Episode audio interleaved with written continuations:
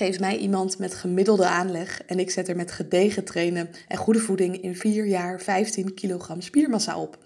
En zelf heeft hij zonder doping armen van 50 centimeter weten te bouwen. Ik heb het over Hans Kroon. Hij is natural bodybuilder, krachttrainingsdeskundige en sportschool-eigenaar uit Rotterdam-Noord. In deze sportschool begeleidt hij topsporters en traint hij zelf ook nog. De belangrijkste te beïnvloeden factoren om topprestaties te leveren zijn training, herstel, voeding, inclusief voedingssupplementie en motivatie. Maar wat is nou de beste manier om te trainen? En hoe ga je om met de verwarring van iedereen die wat anders doet en wat anders roept? Hoe herstel je beter en krijg je meer motivatie? Nou, leer van de trainer van de topsporters Hans en luister dus snel naar deze podcast. Jij komt uit het bodybuilden, begreep ik. Oh, dat was eerst mijn eerste, mijn eerste instart, zeg maar. Ik was echt gefascineerd door fysieke ontwikkeling. Vond toen de tijd uh, gewoon ja, heel lichtgespierd Bruce Lee. Zo. Ja. En dat ga je heel snel je grenzen beleggen. Dus uiteindelijk uh, wel fascinatie daarvoor gehad. Mhm. Ook naïef, weet je wel. Geen idee wat zich daar allemaal afspeelde qua doopgebruik en Ja, dat dergelijke. is, ook veel, denk ik, hè? Powerliften ook. Ah, nee, bodybuilding is gewoon ziek. Dat is echt En daar mag het ook toch, even sommige federaties. eh, Ja, zeg maar die professionals die controleren ze helemaal niet. Nationaal, internationaal, amateurs, profs, allemaal helemaal afgetankt. ja. Ziek. Val ook aan de lopende band, eh, gewoon slachtoffers, gewoon echt doden en zo. Heel veel hartstilstand komt voor. Zeker bij die oldtimers, weet je, die al een jaartje of 20, 25 gebruikt hebben, die krijgen allemaal eh, vernauwingen, kransslagadervernauwingen, verharding op de bloedvaart. eh. uiteindelijk hebben ze allemaal hartproblemen. ja, precies. Ik lees eens dat er dan lichaamsdelen geamputeerd moeten worden. Ja, dat is wel heel extreem, weet je. Dat is bij bepaalde middelen. dat is bij flexwielen, weet je, die komt echt uit de tijdperk dat het veel verder gaat als anabolica. Echt het insuline-tijdperk, insuline in combinatie met groeimel, groeimel met combinatie met anabolica en nog allerlei extreme dingen. Myostine-blokkers, krankzinnige dingen die gasten gewoon. Echt. Ook zeg maar, de eerste keer dat ik ging in Amerika was 86. Ja, daarna ben ik nog heel veel keer terug geweest. Al die gasten die tien jaar later terug zijn, maar god. Niet Kan je ze nog wel terug? Ah, vaag in het gezicht. Lichaam onherkenbaar, wrakken gewoon. Helemaal naar de kloten gewoon. O- ook mentaal. Je ziet heel veel eh, van die gasten depressieve neiging krijgen. Omdat ze natuurlijk eigen testosteron eh, chemisch opkrikken. En daarna is die eigen natuurlijke productie is gewoon helemaal geëlimineerd. Nou, dan krijgen mensen depressieve klachten. Gaan grijpen naar harddrugs. Heel veel cocaïne gebruiken. Dus die gast eh, pas vijf, twee weken geleden eentje zelfmoord gepleegd. Ja, hij heeft echt gewoon daarmee te maken. Wauw, ja. Ja, die gasten doen zulke krankzinnige dingen. Je ziet ook eh, qua moedswings je gewoon dit. Dat is niet normaal. Af en toe heb je wel eens eentje in de gym ook. Dat je denkt, eh, weet je, als ze dan gebruiken voelen ze zich de king van de KA-pil. Ja, ja, dat... eh, En dan denken ze helemaal de man te zijn. En als ze dan uit de kun je man, dan zijn het gewoon zielige jochies gewoon, weet je. Die kunnen, gewoon- die kunnen niks kunnen, ze lopen helemaal leeg. Ze worden depressief, down. Echt bizar. Echt bizar. En deed je zelf ook dan mee aan wedstrijden in het bodybuilding? Nee, nee, ik was wel in principe mijn ambitie. Ja, uiteindelijk één keer een wedstrijd gedaan. En hoor je links en rechts, ik neem dit, ik neem dat. En dacht, ja, waar ben ik in beland? Ik ben heel erg anti-drugs, gezondheidsfreak. Geen alcohol, geen drugs. Ja, toen dacht ik, nee man, die weg ga ik echt nooit inslaan. Nee, dan past het ook niet. eh. Dus toen was ik in Amerika en toen ging ik gewoon elke training ging ik aanschieten. Niemand wist, weet je wel, wat je moest doen met hypertrofietraining. Wat wat ik het beste. Eerst dat ze zeiden, wat gebruik je dan? Ik gebruik niks. Ja, dan, dan, dan kan je helemaal niet die sport doen. Dat is gewoon het standaard antwoord wat je, wat je daar kreeg. En op een gegeven moment had je gewoon het echt idee, iedereen die een klein beetje meer gespierd was als gemiddeld, nou, dat was gewoon aan het kuren. Gewoon. Daar was het niet normaal. Ook bekende trainers van die tijd, weet je, gewoon een eh, apotheek in de wagen. Dat was gewoon een eh, rijdende apotheek, zeg maar. Erg bizar. Erg bizar. Echt hele gekke dingen gezegd. En jij wilde wat anders doen? Eh, Ja, ik heb zoiets van.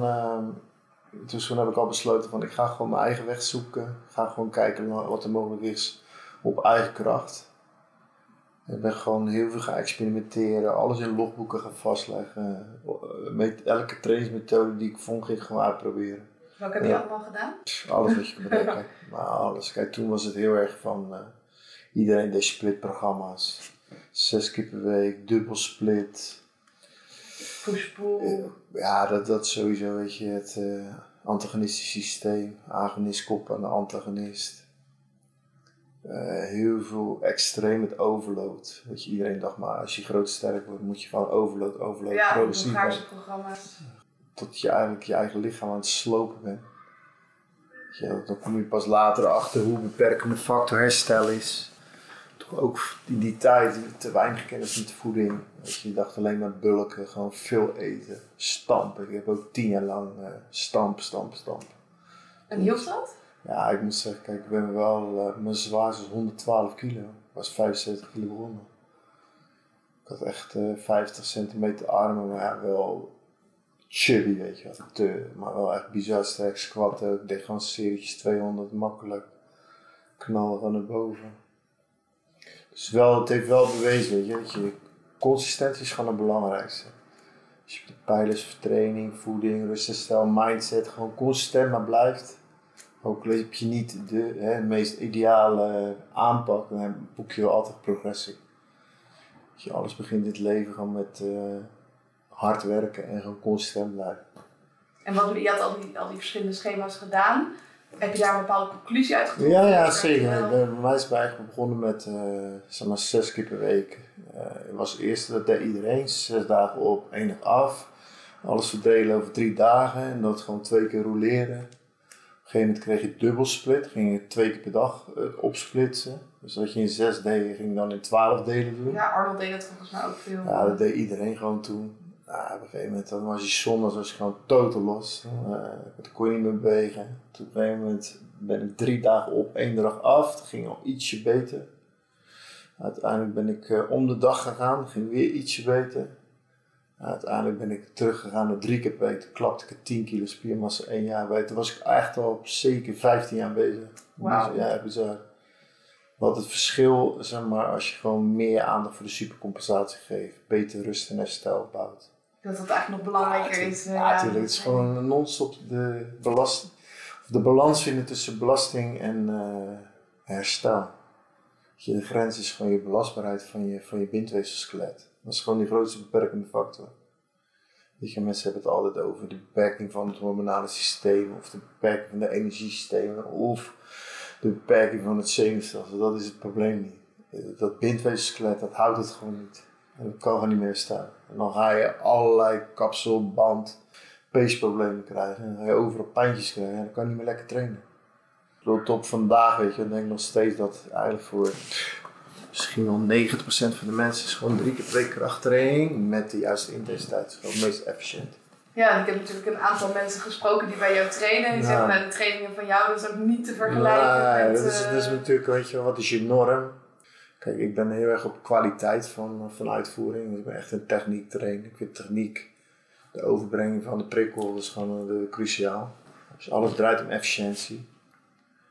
En mensen denken vaak dat ze hard trainen. Mensen weten niet wat hard trainen is. Alleen ja, het is maar net wat je referentiekader is. En je zegt mensen denken dat ze hard trainen. Waar zitten hun blinde vlekken, denk je? Een blinde vlek zit, 9 van de 10 keer zit de beperking toch wel tussen de oren. Dat is toch een mentale beperking. Een mentale proces wat toch niet de juiste voeding heeft gekregen om tot, tot, tot ontwikkeling te kunnen komen. Is toch wel uh, waar ik vind dat de eerste beperking begint. Ten eerste moet je jezelf heel goed kunnen analyseren, fysiek en mentaal. Te veel mensen denken toch wel vanuit hun zwakte. Ik denk eerst vanuit je kracht. Gewoon benoem nou eens waar je echt goed in bent. Fysiek, mentaal. Ga gewoon eens vier pluspunten opnoemen van alles en, uh, en één uh, actiepunt. Mm -hmm. En dan blijkt eigenlijk, de meeste mensen kunnen eigenlijk geen positieve dingen van zichzelf opnoemen. Kijken ze toch op een hele negatieve manier naar zichzelf. Dan is eigenlijk negativiteit het uitgangspunt. Terwijl ja. ik vind, je moet gaan, juist gaan zoeken waar jouw kracht ligt. Iedereen heeft zijn, heeft zijn bepaalde kracht. Maar als je je eigen kracht niet eens herkent, hoe ga je het dan gebruiken? Ja, hoe ga je het dan gebruiken? En waar jouw kracht ligt, ligt je potentieel. Ja. ja dat ligt je grootste groeipotentieel. Dus je moet altijd uitgaan van, van je potentieel. En daarnaast kan je kijken van ja, wat je als actie, extra actiepunt erbij kan zetten. En vaak denken bijvoorbeeld mensen dat iets een zwakte is, maar heeft het simpelweg nog niet de juiste prikkels gehad om tot ontwikkeling te kunnen komen. Zolang je maar in jouw veilige cirkeltje blijft van, van mensen die allemaal een beetje hetzelfde denken als jij en een beetje dezelfde werkwijze, ja, ben je natuurlijk heel beperkt met je, met je ontwikkeling. Mhm. Dus ik vind dat je overal, je moet je breed gaan oriënteren. En ga gewoon echt verschillende specialisten opzoeken. En uh, ga luisteren en stel je vragen. En maak je vragen heel concreet. En als je antwoorden hebt, ga die antwoorden toepassen. En toepassen is niet wat wij te veel in deze tijd doen, van eventjes een week of even twee weken of even een maand. Als je iets serieus wilt toepassen, dan moet je een serieus trainingsblok of een bepaalde werktijd moet je, moet je dat aandacht gaan geven. En wat is reëel? Dat vind ik wel 6, 8, 12 weken dat je iets consistent gaat doen. Ja, echt gaat testen. Gaat testen, en logboeken, alles gaat registreren. Om uh, zeg maar, een waardeoordeel te kunnen geven wat uh, het voor jou kan doen. En dan vooral ja, heel goed de beginsituatie vastleggen. En daar uh, concreet ja, markeringen voor uitzetten van hè, waar je het op gaat meten. En dan uh, kom je uiteindelijk weet je wel, weer tot een puzzelstuk wat, wat uiteindelijk bruikbaar is voor jou. Weet je, alles draait, zowel fysiek als mentaal, om maatwerk vinden. Iets wat matcht met jou. En wat het beste in jou naar boven kan halen. Ja. En je zei net al van, hé, heel veel mensen denken dat ze hard trainen, maar trainen niet echt hard. Waar laten de meeste mensen het, het resultaat liggen. Want ik kan me inderdaad voorstellen, als je zegt, oh, maar ik train toch vijf keer in de week en ik heb, ik heb mijn schema, dat volg ik. En ze komen bij jou, waar zie jij meestal dan de... Ja, weet je, mensen zeggen natuurlijk heel vaak wat jij zegt. Ze trainen vijf, ja, vijf, zes keer per week in de gym zijn. Wil niet zeggen dat je hard traint en efficiënt te werk gaat. Wat doe je in de gym? En wat is het rendement van de investeringen die jij aan het maken bent? En ja, op basis van wat bepaal jij dan het volume van je training, de intensiteit van je training, de kwaliteit van je training? Ja, als dat nergens op gebaseerd is, ja, waar vergelijk je jezelf dan eigenlijk mee? Dus daarom is het denk ik ook, hè, de omgeving is heel belangrijk waarin je verkeert. En dat is natuurlijk een van de sterke punten van de gym uh, die, die wij hebben is dat mensen omringd zijn door gelijkgestemden, maar die eh, allemaal wel als één uitgangspunt hebben. Dat ze beseffen dat kwaliteit en intensiteit is gewoon waar alles mee begint. Ja. En als je dan hè, dat, dat soort mensen die ja, in verschillende sectoren van topsport gewoon uh, ja, excelleren op wereldniveau. We hebben natuurlijk judoka's, we hebben boxers, we hebben UFC-fighters, we hebben allerlei soorten vechtatleten, maar ook we hebben voetballers. Die allemaal uiteindelijk wel uh, in het hoogste segment presteren. Ja, dan vind ik dat, dat is wel een heel goed referentiekader. Dat je zegt van oké, okay, als ik zie wat die ervoor doet en wat voor hem de betekenis van kwaliteit en intensiteit is, dan krijg je daar wel een beter idee bij. Ja, ja, en wat je inderdaad zegt, de norm in de sportschool, dat merkte ik ook. Ik heb in de commerciële gym gesport. Ja. Nou ja, als je dan uh, vier oefeningen doet in drie uur, dan de meeste jongens hebben dan veel gedaan. Klopt. Vooral veel gepraat. Uh... Ja, natuurlijk, weet je. En mensen zeggen vaak, ja, ik train twee, drie, vier uur per dag. Nou, ik garandeer je, een training met echte intensiteit, die duurt niet zo lang. De trainingen bij mij zijn gewoon simpelweg een uur. En dan ben je echt blij als het uur voorbij is. en dan wil je echt niet nog een half uur eraan vastplakken. Dus het wordt zeker niet bepaald door de, door, door de omvang, maar wel wat je in dat uur aan uh, arbeid verricht. En verschilt jouw aanpak ook nog uh, per soort sport? Of zeg je nou ja, zeker, zeker. Maar ook daar moeten we niet, uh, zeker niet in de eerste fases, al te ingewikkeld over doen. Het is gewoon een prestatiepyramide. Aan de onderkant van de piramide, wat mij betreft, de atletische fundering staat. Gewoon de fysieke voorwaarden. Dan ga eerst maar zorgen dat die, eh, die basisfundering heel erg goed is. En we denken veel te vaak eh, in specifieke elementen. Dat is het topje van de ijsberg. Ja. Dus de nuance op de taart. Maar ga eerst maar eens zorgen dat uh, dat gebouw heipalen heeft. Die staan als een huis. En dan gaan we denken aan de vloer en de muren en het plafond. En mensen willen allemaal, weet je, gelijk beginnen met... Uh, ja, de high-tech dingen aan de muur, weet je wel. Ja, zo, zo, werkt zo'n bouwproces gewoon niet. En er zijn best wel heel veel eh, overeenkomsten ook eh, tussen verschillende sporten. Dus uh, ja, hoe lang ziet zo'n tijdsperiode uit? Kijk, uh, fysieke en mentale ontwikkeling is echt een meerjarenproces. Dus ik vind vier, vijf jaar aan, aan fundering werken, ja, dat is een, geen absurd tijdsomvang. Het is een soort basis. Ja, het is ook denk ik een investering voor de rest van je leven. Ja, en eigenlijk blijf je non-stop aan die basisfundering werken. Ook met die uh, topsporten is het non-stop basis, basis, basis, basis. En uiteindelijk, ja, natuurlijk vanuit maatwerk denkend ga je natuurlijk wel kijken welke specifieke elementen er uiteindelijk bij moeten gaan komen. Om binnen zijn uh, tak van sport te kunnen excelleren. En dat is eigenlijk uh, mijn werk is non-stop uh, vier aspecten. Het is observeren, screenen, anticiperen en communiceren op dat wat je ziet. Ik vind altijd wel, uh, we hebben het vaak in ons werk over periodisering. Dan zie je trainers een hele jaarplanning maken. Ik vind het knap. Ik, heb, ik doe zitten aardig wat jaartjes in het werk. Vanaf 83. Ik kan geen jaar vooruit kijken. Het is van, je kan leuk de planning maken. Je kan leuk de planning maken, maar dan is het wel een hele grove, hè, een hele grove koersuitzetting. Maar het is juist het anticiperen op dat.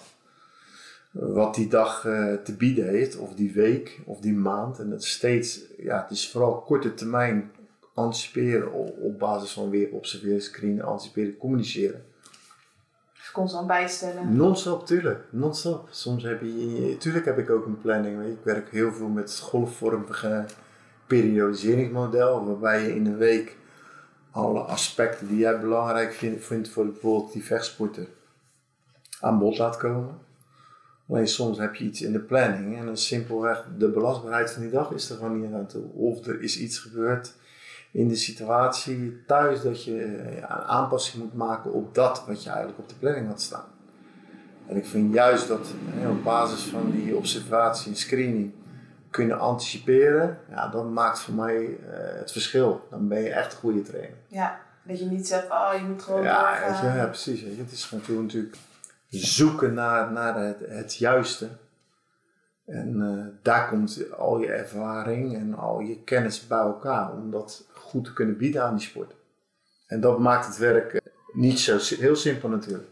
En dat is ook een reden dat je, dat je eigenlijk, vind ik dan, heel weinig echt topspecialisten ziet in Nederland. Maar ik zeg van zo, wow, die is echt in staat om die atleet naar het next level te brengen zijn heel veel PT'ers inderdaad. Ja, uh, iedere, iedere boerenlul noemt zich uh, tegenwoordig PT. Ja, in het uh, fit vak A, in de ja.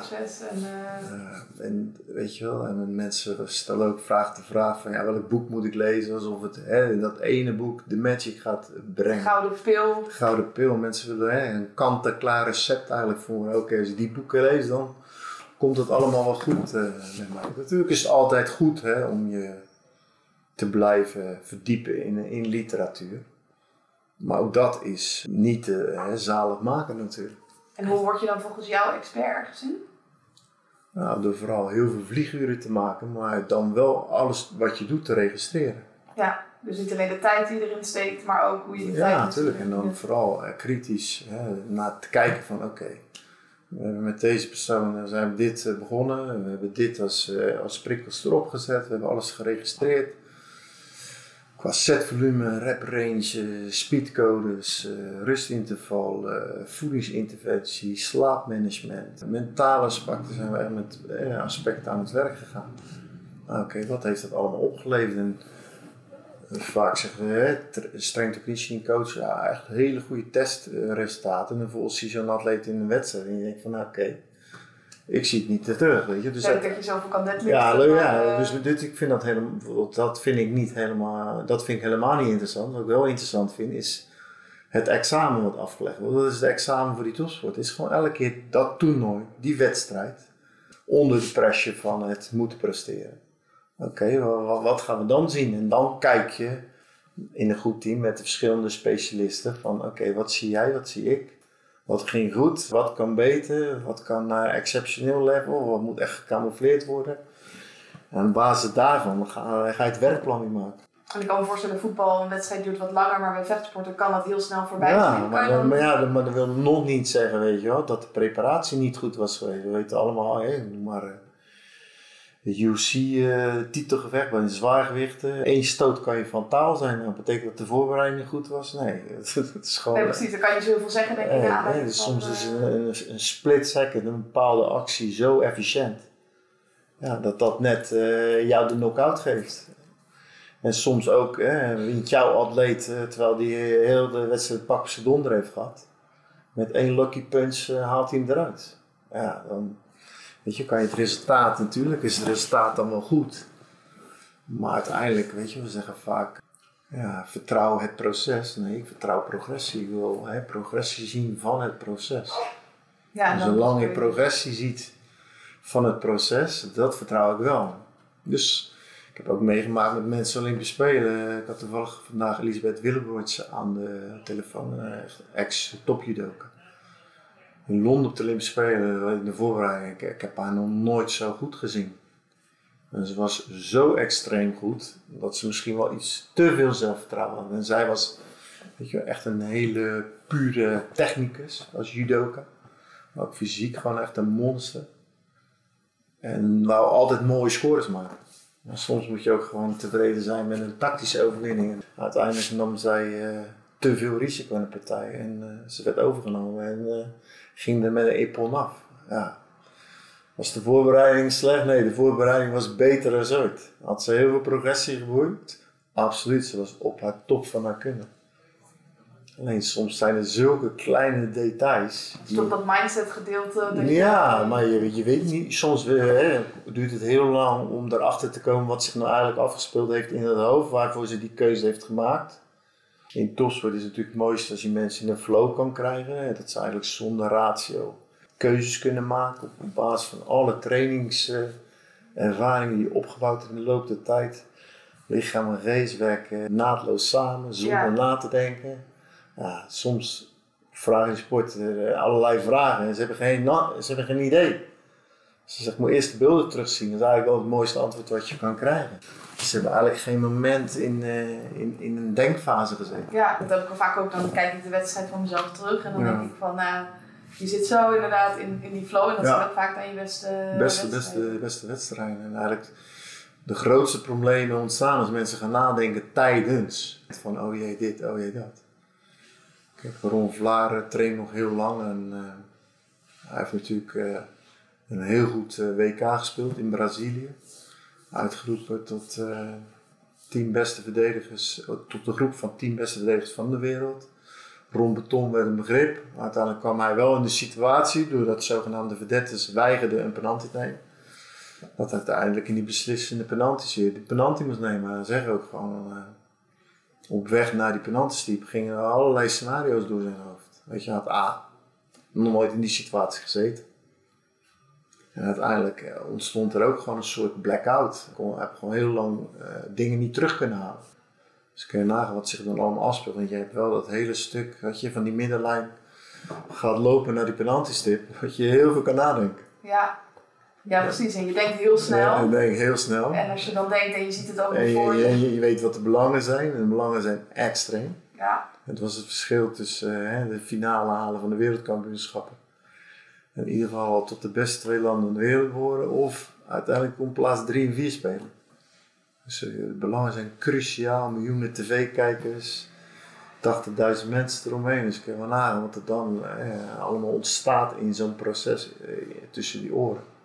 En bij boxers denk ik dat hetzelfde, alleen wat je inderdaad nou, zegt. bij boksen, boxers hebben we natuurlijk hè, de momenten tussen rondes door, dat mensen ook kunnen gaan nadenken. En uh, soms uh, zijn mensen zo uh, A, fysiek zwaar in het rood, dat ze niet eens meer hè, coaching kunnen ontvangen. Hartslag 180, 200 zit en je hebt klappen gehad en je bent duizelig. En dan zie je vaak zo'n coach die gaat gelijk bam erbovenop zitten. Dat is een van de dingen die, zodra ik in het team zit, altijd gelijk als eerste veranderen. De eerste 30 seconden tussen de ronde is het alleen maar ademhalen. Ja, cruciaal. Cruciaal, weet je, die hartslag drukken. Zorgen dat die ontvankelijk is voor coaching. En dan heel kort in gesloten opdracht, pam pam, 1, 2 dingetjes. Coaches die gaan hele pleidooien staan houden wat die vooral niet moet doen. Ja, ja, ik was op het WK van powerliften. Toen kreeg een meisje nog even squatles hoe ze Ja, squatten. dat Ik denk, ja, ja. we zijn er mee bezig. Ja, dat zie je voor judo-wedstrijden ook in die hal staan. En dan zie je gewoon zo'n judo-coach trainen. Die staat nog een hele technische seminar te geven. Denk, even serieus, gebeurt er nou echt? Maar Ja. in kickboksen zie je precies hetzelfde ook gewoon. En in die warming-up, dan zie je coaches, man, zoveel informatie in zo'n sporten die zwaar. Die gaat zo meteen eh, gaat die in een ring in op leven en dood staan vechten. Die, eh, die heeft geen idee wat je allemaal aan het zeggen bent. Weet je? Nee, het komt niet echt over alsof je dan ook goed bent voorbereid in de training. Ja, dat, de eh, wedstrijd. dat eh, zeg ik ook altijd, weet je. Als jij maar non-stop dan nog allerlei informatie in stopt, heb je je huiswerk niet gedaan. Nee, Dat is iets voor de voorbereidingsfase. En, en zeker bijvoorbeeld, dat is ook in mijn werk, de laatste fase van de voorbereiding is het gewoon herhalen, slijpen van. En natuurlijk, daar nodig hè, geef je aansturing in de details, maar we gaan niet eh, hele technische dingen nog eh, aanleren. Dan is, dan is de leerfase die is, eh, lang achter ons. ja, je zegt inderdaad, hè, doe je huiswerk. Dan Dat is het gewoon fine-tunen van het, van, het, van het laatste gedeelte van het proces en that's it. Ja, En vooral die sporter het gevoel laten versterken dat, dat, dat hij er klaar voor is. Ja, precies. Dus je- laat die sporter altijd dingen doen dat ik zeker weet dat hij kan excelleren. Dat hij dat allemaal in zijn mindset meeneemt en ook op basis van dat eh, een stuk vertrouwen opbouwt. Wat voor dingen zijn dat dan bijvoorbeeld? Nou, als je gewoon iemand weet, bepaalde drills waar eigenlijk alle elementen terugkomen eh, die belangrijk voor hem zijn. In die laatste training zorg ik altijd dat die training is vloeiend. Kijk, wel eerlijk, op basis van eerlijkheid, je kan een sporter niet voor de gek houden, maar je weet wel precies welke drills hem liggen. Dat hij gewoon echt voelt van wow, ik ben er zo klaar voor. Dit is gewoon, eh, dat hij zonder na te denken ook daar in die laatste training in die flow kan komen. Dat zijn efficiëntie gewoon maximaal is. Ja, dat je niet nog met eh, nieuwe oefeningen gaat komen. Nee, of dat, of dat, eh, hè, dat je in, in een frustratiemodus komt omdat dingen niet lopen. Of dat je ineens een drill gaat doen eh, waar hij gewoon problemen mee heeft. Dat is niet het moment om zo'n oefeningsselectie aan te bieden op dat moment. Ja, Dus ik vind dat je daar heel goed rekening mee houden van hoe gaat die laatste training eruit zien. Je bent al volop in de tapering, de trainingen zijn gewoon om van kort. En dat wat je doet is intens, explosief, kwalitatief hoogwaardig. Dat is wat jij als trainer wil zien. Maar dat is ook wat jij als sporter wil voelen. En het gevoel dat kan je natuurlijk versterken. Dat je weet gewoon waar zijn kracht ligt. En dan gewoon in de aanbiedingsvorm heel dicht bij zijn kracht blijven. en trainen jullie dan ook voornamelijk op kracht of uithoudingsvermogen? of Ja, zo? dat, dat is altijd een combinatie van. Weet je, power is natuurlijk ongelooflijk belangrijk, eigenlijk voor haast alle sporters, kracht maar snelheid. Dat vol kunnen houden, power endurance, het vermogen, eh, kracht maar snelheid, eh, langere tijd vol te kunnen houden, ook cruciaal. Dus dat zijn wel standaard elementen die eh, altijd eh, terugkomen. En eh, je moet altijd kijken ook welke sport, sporten je voor je hebt en waar uit het oogpunt van preventie extra aandacht voor nodig is. Dus En als je, sport, je als je sporten hebt waar je heel veel deceleratie hebt, dus heel veel, of heel veel acceleratie, sorry. Als iemand eh, heel veel moet kunnen accelereren, moet hij ook heel veel kunnen decelereren. Dus je kan wel heel veel gas geven. Maar als je niet weet hoe je kunt remmen, dan ga je, ga je daardoor verongelukken. En dat is eigenlijk met sport precies hetzelfde. Dus je kan iemand hoog laten springen, dat is natuurlijk fantastisch. Maar je moet wel weten hoe die veilig moet landen. Als je iemand heel veel agility moet leveren, het snel van richting kunnen veranderen als anticipatie op bal of tegenstander.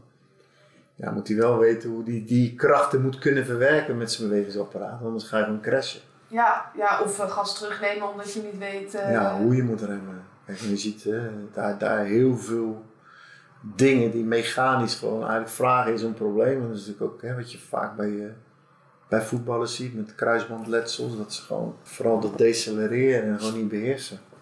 Dat daar eigenlijk te weinig aandacht aan besteed wordt. Dus je kan het een nooit los zien van het ander. Ja, Net zo goed eigenlijk hè, als je de agonist nooit los kan zien van de tegenhanger, de antagonist. Die twee moeten altijd wel in balans blijven met elkaar. Anders ga je gewoon hè, jezelf kapot maken. Die pitcher die die bal met 200 km per uur gooit. Ja, als hij die arm en die schouder niet eh, goed laat decelereren, dan eh, binnen no time is alles kapot wat er maar kapot kan zijn. ja. Net zo hè, met, de, met de swing van een honkballer. Die acceleratiefase belangrijk, maar die deceleratie net zo belangrijk. Hetzelfde zie ik met de trapbeweging van een voetballer en het snel van richting kunnen veranderen, bij, ook bij die voetballer. Het zijn allemaal dingen die, die je gewoon uh, goed moet voorbereiden. Ja, bij voetballers zie je vaak dat ze zo uh, qua benen rechtsbenen zijn, dat je dan ook... Ja, goed, er zit altijd wel, weet je. Uh, niemand is symmetrisch. iedereen heeft een, een bepaalde dominantie aan één zijde. Ik bedoel, ik zeg het altijd bij Messi, is uh, extreem dominant op links, met zijn linkerkant. Met zo'n atleet uh, is het natuurlijk weer een heel apart verhaal. Want ga je dan die rechterkant van hem symmetrisch proberen te krijgen? Nee, absoluut niet. Zonder van je tijd. Zonder van je tijd, weet je. Want je gaat dat linkerbeen nog exceptioneler te maken. Dus bij hem zou je misschien een verdeling hebben van uh, 95-5. Dus dat is ook weer het verhaal waar we mee begonnen. Van, uh, heel erg kijken naar van, hey, waar, dat is natuurlijk een extreem voorbeeld. Beste voetballer van de wereld. Maar ja, met, dat, met alleen zijn linkerbeen kwam hij wel tot die status. Weg, inderdaad, ja. ja. Dus dat geeft ook aan dat alles uh, moet je wel in de context zien. En altijd ook, ook weer uitzondering op de regel.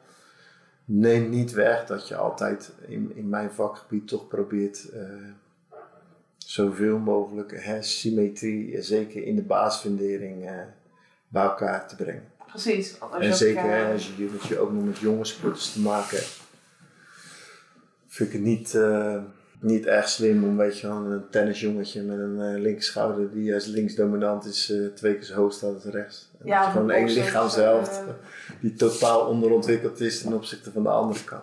Precies, en met boxers denk ik dat als die een, een zwakte hebben en de tegenstander ziet dat, dan kom je daar minder snel mee weg, denk ik, dan als je het hebt over een Messi. Ja, weet je, het is natuurlijk sowieso lastig om verschillende sporten met elkaar te vergelijken. Ja. En uh, Messi is wat dat betreft natuurlijk een exceptionele uitzondering in, de, in het topsegment. Moet je je sowieso nooit mee vergelijken. Nee, nee daar word je niet gelukkig van, denk ik. Nee, maar dat is ook niet echt, uh, echt relevant. Dat is natuurlijk ook dat mensen het vaak uh, voorbeelden aanhalen van, van sporters. waar ze nog nooit in de schaduw van zullen komen. Dus dan vind ik het ook niet zo heel interessant om daar veel naar te kijken. Ga vooral kijken wat jouw potentieel is en groeiopties. Ja, en je zei van net, zijn verschillende pijlers, dus voeding, training, rust. Ja, voor mij staan eigenlijk vier pijlers waar alles om draait. Centraal erin staat de persoon CQ sporten. Daarom efficiënte training. En dat kan hè, zowel uh, bijvoorbeeld voor die voetballer zijn voetbaltrainingen en aan, aan, aanvullende training wat daarvoor noodzakelijk is. Het gedeelte rust en herstel, herstel slaapmanagement voeding, de derde peiling suppletie, dus aanvullingen, daar waar noodzakelijk. En de vierde is eigenlijk zijn, eh, zijn mentale eigenschappen. Eigenlijk de wisselwerking tussen die vier verschillende pijlers, ja, daar draait alles om. Dus eigenlijk in het eh, aanpak van je trainingsplan, maar ook in de analyse van de resultaten, blijf ik altijd non-stop naar de pijlers kijken. En hoe pak je bijvoorbeeld het stukje mindset aan? Kijk, het trainen is heel concreet, voeding is natuurlijk ook concreet en slaap. Ja, weet je, het is natuurlijk een mindset is een vakgebied uh, op, op zichzelf. Ja, ik ben zelf psycholoog, dus dan... De... Dus ik denk dat we daar uh, veel meer in kunnen doen uh, qua ontwikkeling dan we vaak van het doen. Wat mij betreft begint het altijd met concreet stellen van, van doelen. Mm -hmm. En daar aan het doel komt een proces gekoppeld. En het proces is eigenlijk de weg die gaat leiden naartoe. Nou, als je vraagt, hè, 9 van de 10 keer jonge sporten, wat is je doel? Uh, dan noemen ze altijd gekke dingen. Of, ja, Sixpack. Ja, of ik wil een Olympisch Spelen, ik wil Olympisch goud worden. Oh, Zoals ja. in judoka, dan willen ze altijd naar de Olympische Spelen of ze willen wereldkampioen worden. En dan vraag ik altijd van nou, wat heb je tot nu toe voor titels? En zijn ze nog geen Nederlands kampioen, weet je. Dat is geen, dat is geen doel, dat is een droom. Mm Een doel is natuurlijk wel iets, wel iets anders. Maar om een doel te kunnen stellen, begin je eigenlijk weer terug te gaan naar waar we mee begonnen waren, is moet je eerst jezelf kunnen analyseren. Van wat is je kracht, wat is je zwakte. En dan kan je veel concreter tot doelstellingen gaan komen. Dus mentale setting begint bij mij heel concreet te krijgen van oké, hoe gaan we een uh, realistisch doel uh, bepalen voor de korte en uh, middellange termijn. En hoe gaan we dat bereiken? Dan, dan kom je uiteindelijk kom je altijd aan in het tweede aspect, dat is focus. Maar wat mij betreft zie ik twee vormen van focussen. Dat is de interne focus. Dat is eigenlijk simpelweg de connectie die je kunt maken tussen de, de bovenkamer en het lijf. En daar zit uh, 9 van de 10 keer nogal wat ruis op de lijn. Nou, er zijn een aantal dingen die ik denk dat efficiënt daarin zijn. Wat dat betreft heb ik altijd uh, wel gezocht naar wegen. Dus ik ben in contact gekomen met uh, Wim Hof acht jaar geleden. Iceman, een hele interessante vent, echt ja. een pionier op zijn gebied. Dus er zijn ademhalingstechnieken, saturatietechnieken, retentietechnieken, ja, super interessant. En voor mij absoluut een tool om uh, die connectie helemaal vrij te maken van storingen en uit denkprocessen te leren stilleggen. Dus mij betreft begint alles eerst met leren interne focus op te bouwen. Dus we hebben bepaalde ademhalingsoefening uh, drills daarvoor, maar ook uh, de koudwaterprotocollen. Dus toch, uh, hoe je het went of verkeerd, in ijskoud water gaan zitten in een ijsbad is een stresssituatie. Behoorlijk. de eerste primaire reactie is paniek, angst. nou, de kunst voor elke topsporter is taakuitvoering onder alle omstandigheden. Dus je gaat wel leren, die mensen, ik vind dus heel, heel veel is gewoon het leren van hoe mechanismes werken. Dus daar, daar, experimenteren wij heel veel mee. Door middel van inderdaad ademhalingsoefeningen, ijsbaden, maar ook bijvoorbeeld elevation mask. De fysiologische aspecten ervan, nou ja, die, uh, die zijn niet interessant en die zijn ook hè, door de wetenschap natuurlijk meedogenloos onderuit. Dat is geen, het is geen simulatie van hoogtetraining, maar wat ik wel interessant vind is wat het mentaal met je doet. Want het creëert gewoon uh, een panieksituatie. Dus je kan je voorstellen als je in een zuurstofschuld zit en je hebt het gevoel dat je door een rietje aan het ademen dan denk je dat je stikt. Dus in dat opzicht vind ik zo'n uh, zo'n tool wel heel interessant, wat weer iets kan toevoegen om bij je taak te blijven, ademhaling te controleren, niet als een gek te gaan hyperventileren, maar hoe moet je ademhalen bij een hele hoge hartslag, bij een extreme stresssituatie, om je systeem onder controle te houden. En dan pas kom je eigenlijk bij de volgende focus, is je externe focus, is gewoon uh, uitvoering. Hoe voer je uit? Weet je, en dan, kan, dan, dan kom je echt puur in uh, techniek uitvoering wat mij betreft. Of uitvoering van een tactisch plan. Dus het is non-stop het samenspel tussen interne focus en externe focus. Ja. Maar bijvoorbeeld als wij met een vechter zijn, ja, we zijn in een arena en er zitten 10.000 mensen te wachten op ons, extreme stress. Dus het herhalen van de protocollen. En het eerste waar we beginnen is gewoon uh, ademhalingsoefening. Gewoon in, uit, in, uit. Net zo lang tot je die saturatie hebt opgebouwd. Dus dat je voelt dat het lijf helemaal gaat tintelen. Dan doe je juist ademhalingsoefeningen om adrenaline op te wekken? Ja, ja. Ook, ja. ja. Kijk, adrenaline hè, is gewoon een prima mechanisme van het lichaam om daar goed gebruik van te kunnen maken. Zeker, ja. Het is, alleen, het is alleen maar net hoe je het inzet. Kijk, adrenaline kan jou beheersen, maar je kan adrenaline ook sturen als, als, als backup van, je, van een bepaalde vorm van agressie, bijvoorbeeld voor een vechter. Kijk, een vechter moet toch wel in een fight-modus komen. Dat wel een vechtmodus wordt en geen vluchtmodus. Ja, en het heeft ook bepaalde voordelen. Hè? Als je klappen krijgt, je nog ademhalen. Ja, natuurlijk. Je, je, pijn, je, je pijngrens komt natuurlijk uh, veel hoger te liggen. Dus dat zijn wel razend interessante dingen om uh, ja, kennis voor op te doen. En vooral hoe je mensen handvaten kunt aanreiken, hoe ze daadwerkelijk daarmee uh, aan de slag kunnen gaan. Dus ik geef mensen ademhalingsoefeningen mee. Moeten ze ook de, de dat je gewoon geen adem haalt, leren bijhouden, kijken of je die tijdstuur kan verleggen. Maar bijvoorbeeld hier doen we ook koudwatersessies en afwisselen met warmwatersessies. Gewoon eerst in de luxe van 39,5 graden zetten en dan in een extreme koude situatie. En dat je leert dan eigenlijk je ademhaling onder controle te houden. Je primaire reacties gewoon gelijk versnelde ademhaling, heel oppervlakkig. Dat is eigenlijk hetzelfde wat je ziet als mensen in een panieksituatie zitten in een wedstrijdsituatie. Dus gewoon simuleren van. Ja. Super waardevol als je leert hoe je daar meer controle over kan bereiken. En vooral hoe je mensen leert gewoon toch weer elke keer non-stop taak, taak, taak, taakvoering te doen onder alle omstandigheden. Dat is wel het moeilijkste van sport. En dus je hebt heel veel mensen die blinken uit in training en in wedstrijden zijn ze geen schim van wat ze eigenlijk aan capaciteiten hebben. En wat is altijd de beperkende factor is, is gewoon dat. is gewoon toch hoe ze met die spanningsvelden omgaan. Ja. Weet je, maar maken mensen zoeken domme fouten dat je denkt van waarom? Dat is gewoon wat uh, hè, geen goed stressmanagement met mensen kan doen. Totale paniek. En dat is eigenlijk wat ik ook wel veel in mijn strength and conditioning training doe. Is non-stop in die situatie brengen dat je in de overlevingsmodus moet. Dus, hoe doe je dat dan concreet? Ja, door gewoon uh, echt op de grens van uh, iemand zijn vermogen te gaan zitten. Want dan kan hij met twee dingen doen. Of hij gaat, uh, hij gaat in de fight modus of hij gaat in de flight modus. En je moet hem in de fight modus Ja, natuurlijk. Hij moet in de fight modus komen, maar hij moet daar blijven. Maar hij moet ook wel onverstoorbaar blijven doen wat je van hem eist.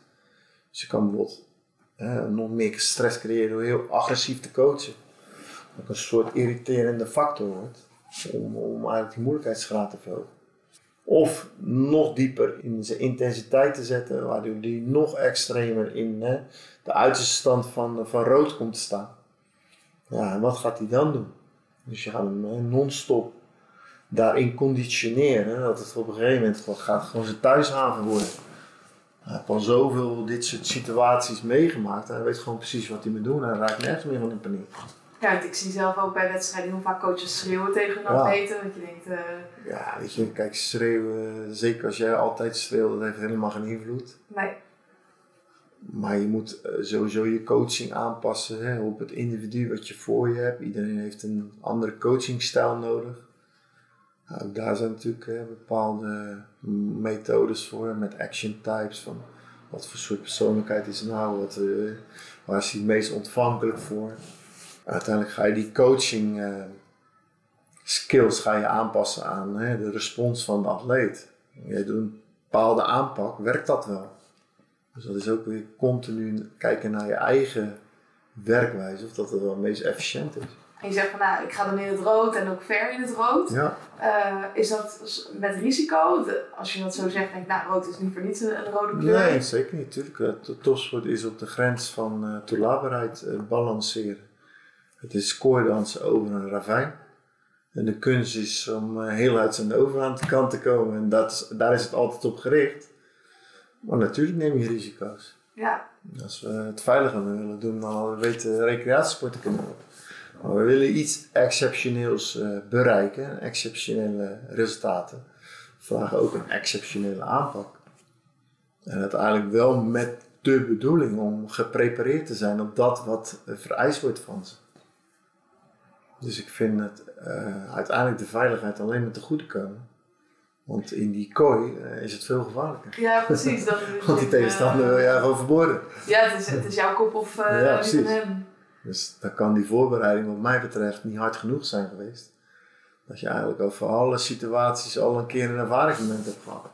En eigenlijk op alles voorbereid bent. Ja. En dat is uh, non-stop een uitdagingsspel tussen jou en die sporten. En merk je nog verschil daarin tussen mannen en vrouwen? Nee, eigenlijk niet. Dat is sterker nog. Maar ik heb heel veel sterke vrouwen. Ik vind dat de vrouwen daar heel goed in zijn. Weet je, we hebben het vaak over het zwakkere geslacht. Nou, dat zeker niet. Mentaal? Uh... Ja, dat, dat is gewoon... Uh, ik, ik, ik, hou niet van om een onderscheid te maken in, uh, in geslacht. Het is gewoon meer de persoon die je voor je hebt. Alleen het blijkt wel dat gewoon... als je maar de juiste prikkels geeft, iedereen eigenlijk veel verder kan komen dan dat hij denkt. Maar ik heb wel echt al wel hele exceptionele vrouwen die me dagelijks nog verbazen van hoe ver ze in hun eigen ontwikkeling zijn. En ook altijd toch nog uh, groei laten zien. Sommigen werken al 12, 13 jaar mee. En uh, vaak hebben we het over sticking points. Uh, ik, zie dat niet in de praktijk. Ja, als je maar gewoon die grenzen blijft opzoeken. Ja, als je, als je maar non-stop vanuit de pijlers denkt van hè, waar liggen de verbeterpunten. Je moet altijd open blijven staan voor verbetering en vernieuwing jij en je sporter ook. En zolang je allebei open-minded blijft van We gaan zoeken naar ontwikkeling, groei. Weet je, ik zit lang in het vak, maar ik wil eh, volgend jaar nog wel een betere trainer zijn als nu. Dat is wel de drive die uh, altijd in je zit. Ja, dan, dan blijkt er altijd groei mogelijk te zijn. En hoe blijf jij jezelf ontwikkelen? Uh, veel lezen. Uh, veel kijken. Ik ben, ik ben heel visueel ingesteld. Ik hou van om, om, beelden te zien. Ik heb een aantal mensen ook die ik volg.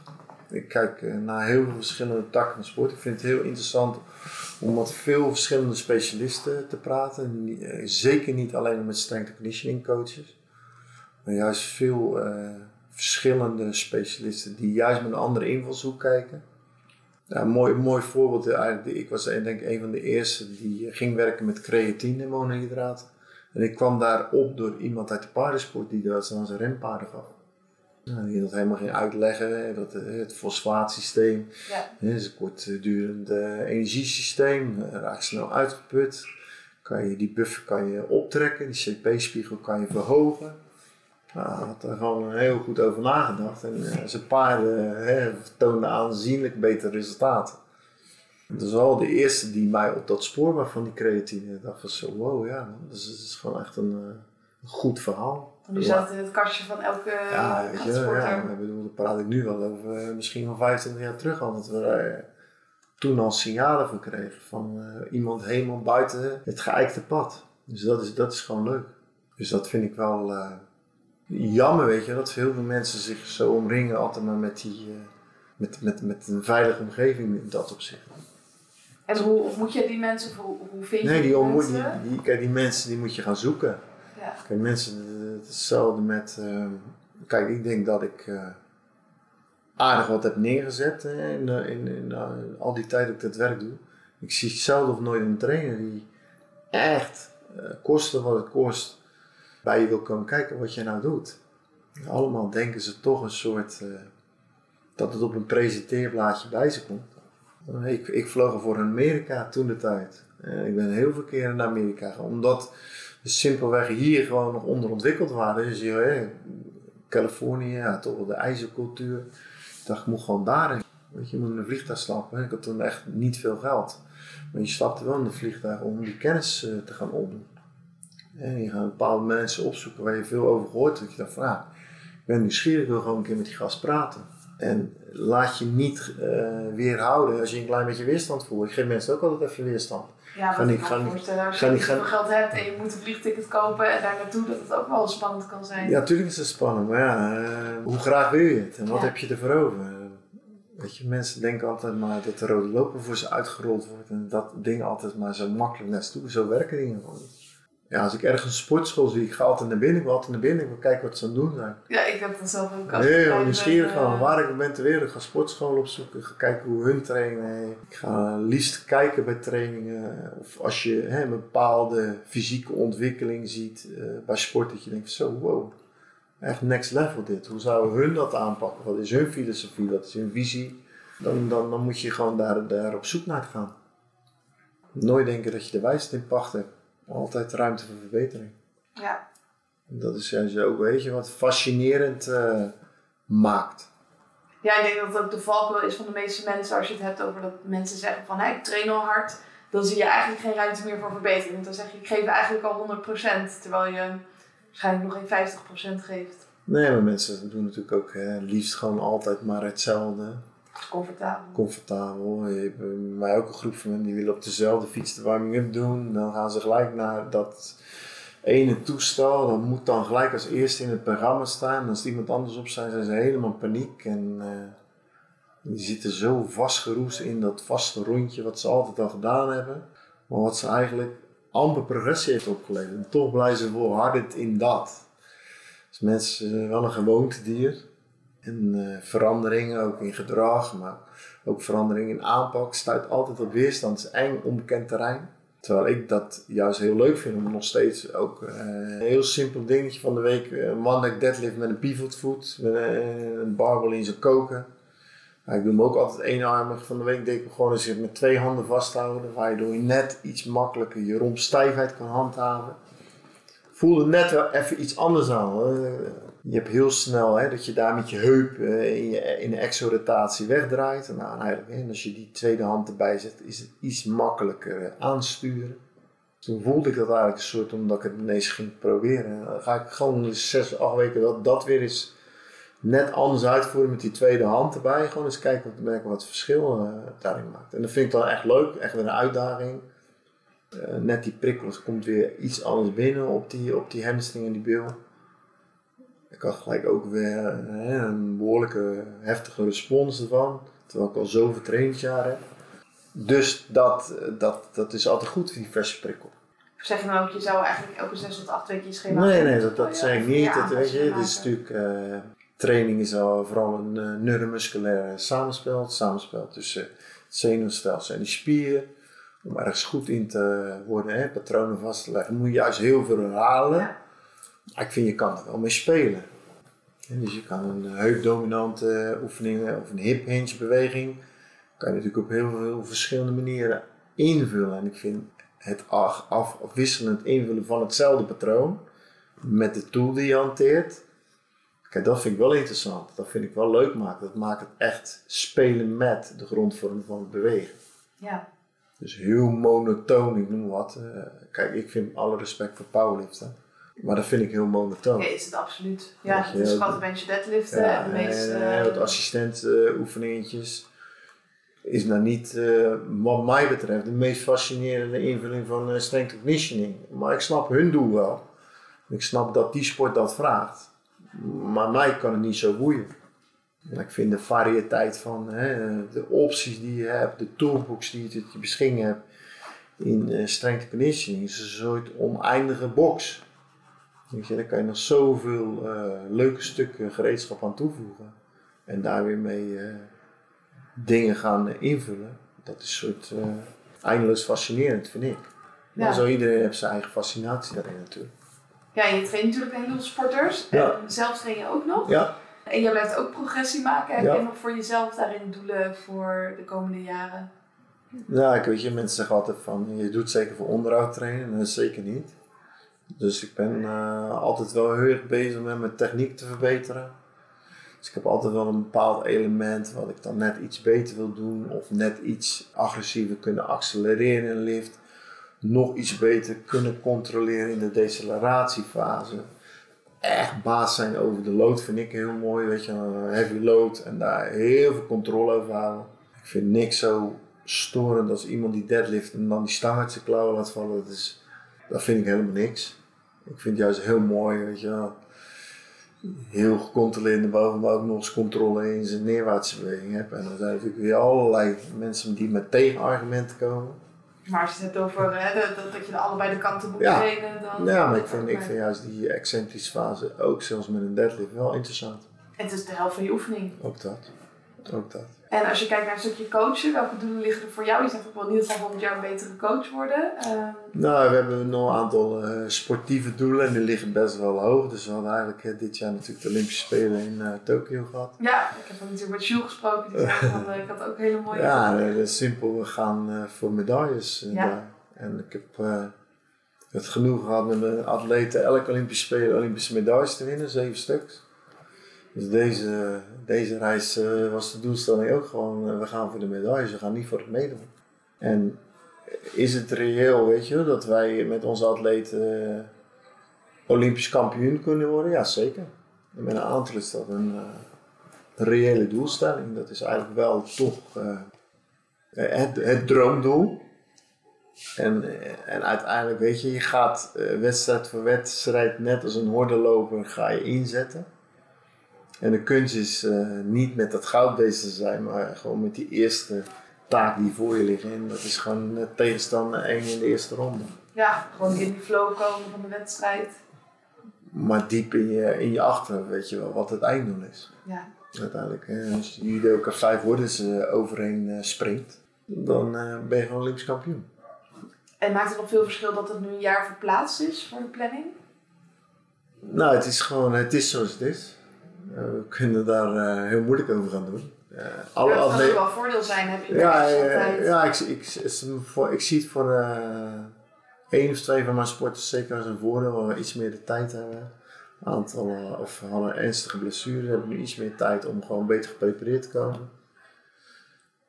Dus je moet altijd het voordeel er maar van, eh, van zien te pakken. En voor de rest is het, ja, het is voor elke atleet op de wereld uh, dealen met de situatie.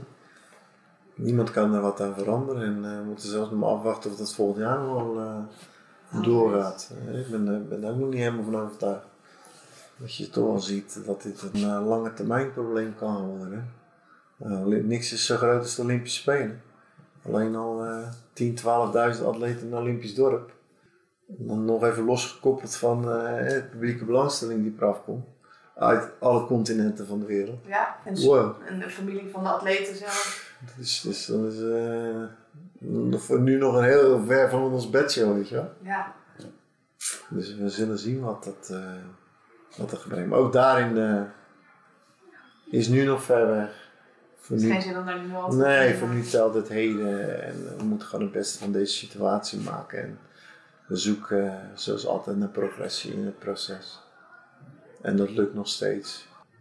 Die motivatie eh, die eruit ontstaat, dat mensen ook voelen dat ze die stap aan het maken zijn. Ja, die, die zorgt ervoor dat ze blijven gaan. En dat is wel mooi. Ja. En als iemand hier naar luistert en die denkt van, nou ja, ik, ik, ik wil ook meer eruit halen dan ik op dit moment doe. Ehm, welke tips zou je dan uh, kunnen geven? Wat, wat zou je al concreet kunnen doen? Nou, vooral uh, leren beseffen dat uh, het de wisselwerking tussen die verschillende pijlers, of je nou een recreant bent of een topsporter, dat is gewoon altijd, altijd bepalend voor uiteindelijk het resultaat van dat wat je doet. Dus je kan het trainen nooit loszien van voeding, je kan uh, dat trainen en voeding nooit loszien van slaap. En je kan die drie aspecten ook nooit loszien van je mentale setting. Dus zolang je eigenlijk probeert steeds te kijken wat jij kan doen om die pijlers naar hè, een, hoger level te brengen of uh, beter op elkaar te kunnen afstemmen. Bijvoorbeeld alleen als je alleen al kijkt naar slaap, uh, kijkt naar de invloed van uh, blauw licht met je telefoon, verstoring van je melatonineproductie, waardoor je slechter slaapt. Ja, hoe regelmatig slaap je? Ja, acht uur ja, weet je, ja, weet je hoe, hoe kan je je biologische klok beter afstemmen? Van structuur van opstaan, van structuur van slapen gaan, eh, vaste rituelen voor het slapen gaan, niet te heftige prikkels voor het slapen gaan. Het is gewoon interessant om uh, te ervaren wat het met je doet. En eigenlijk als je op die manier, eh, weet je, nu komt er gewoon nog een aspect. Het wordt, gaat nu belangrijker als ooit worden gezondheid. Zeker. Weet je, en, uh, fysieke weerbaarheid, maximaliseren van het immuunsysteem optimaliseren van uh, ja, alle fysieke en mentale voorwaarden gaat gewoon uh, ja, je lifesaver worden, zou ik bijna zeggen. Dus het gaat nu alleen maar interessanter worden om daar voor jezelf te bepalen van waar je nog stappen kunt maken. Ja, en zeker als je zegt het is een vijfjarig plan, dan is vandaag de allerbeste dag om. Uh, ja, het is gewoon, weet je, elke dag heb je een nieuwe kans om een nieuwe start te kunnen maken. Ga vooral niet denken aan die vijf jaar, maar denk gewoon aan de dag van vandaag hoe kan ik het zo goed mogelijk invullen? Elke goede dag is gewoon winst. En de volgende dag start je weer fris en kan je weer een nieuwe start maken. Kijk, ik, wat ik zelf adviseer, kijk gewoon aan het einde van de dag even kort terug. Korte evaluatie van wat vond je goed gaan en uh, wat gaf een goed gevoel. Dan kan je het gevoel nog meer versterken. Wat is een actiepunt voor de volgende dag? Als je zegt van nou, dan moet ik morgen even net even iets beter doen. En met slaap ook, weet je. Als je gewoon echt 8, 9 uur gemaakt hebt. Goede moment opgestaan, goed ontbijt genomen. Ja, je voelt je gewoon zo lekker, zo, zo energiek. Dan gaat trainen ook een hele andere dimensie uh, krijgen. Ja. En als je training weer lekker gaat, hou je daar weer een boost uit. Dat geeft, geeft, ook, ja, geeft ook weer de motivatie om die maaltijd na die training ook goed in te vullen. Anders kan je nooit weer het rendement halen uit die training wat je kunnen halen. Vervolgens denk je s'avonds, ja, moet wel goed mijn herstel pakken. Dus laat ik gewoon mijn slaap ook goed invullen. Dus het is, het is net wat je zegt, weet je, beïnvloedt elkaar zo. En het mooie is dat je gelijk de feedback krijgt. Ja, het is geen uh, jarenplan. Nee, je, een dag het goed doen, betaalt zich wel uit in een, in een gevoel wat onbetaalbaar is. Ja. En wat vraagt het van je? Alleen eigenlijk een investering in jezelf. Ja, een klein stukje discipline denk ik om toch die telefoon weg te leggen. Ja, ik, ik, ik noem het vooral consistentie. Weet je, discipline lijkt wel of dat een beetje een soort vies woord is. Maar ik probeer vooral consistentie erin te krijgen. Consistentie is, uh, is gewoon zo'n belangrijke sleutel. Maar wel uh, absoluut de moeite waard om uh, mee bezig te zijn. Ja, ja, het lijkt me heel mooi om mee, om mee af te sluiten. Ja, ik denk dat er super veel waarde in zit.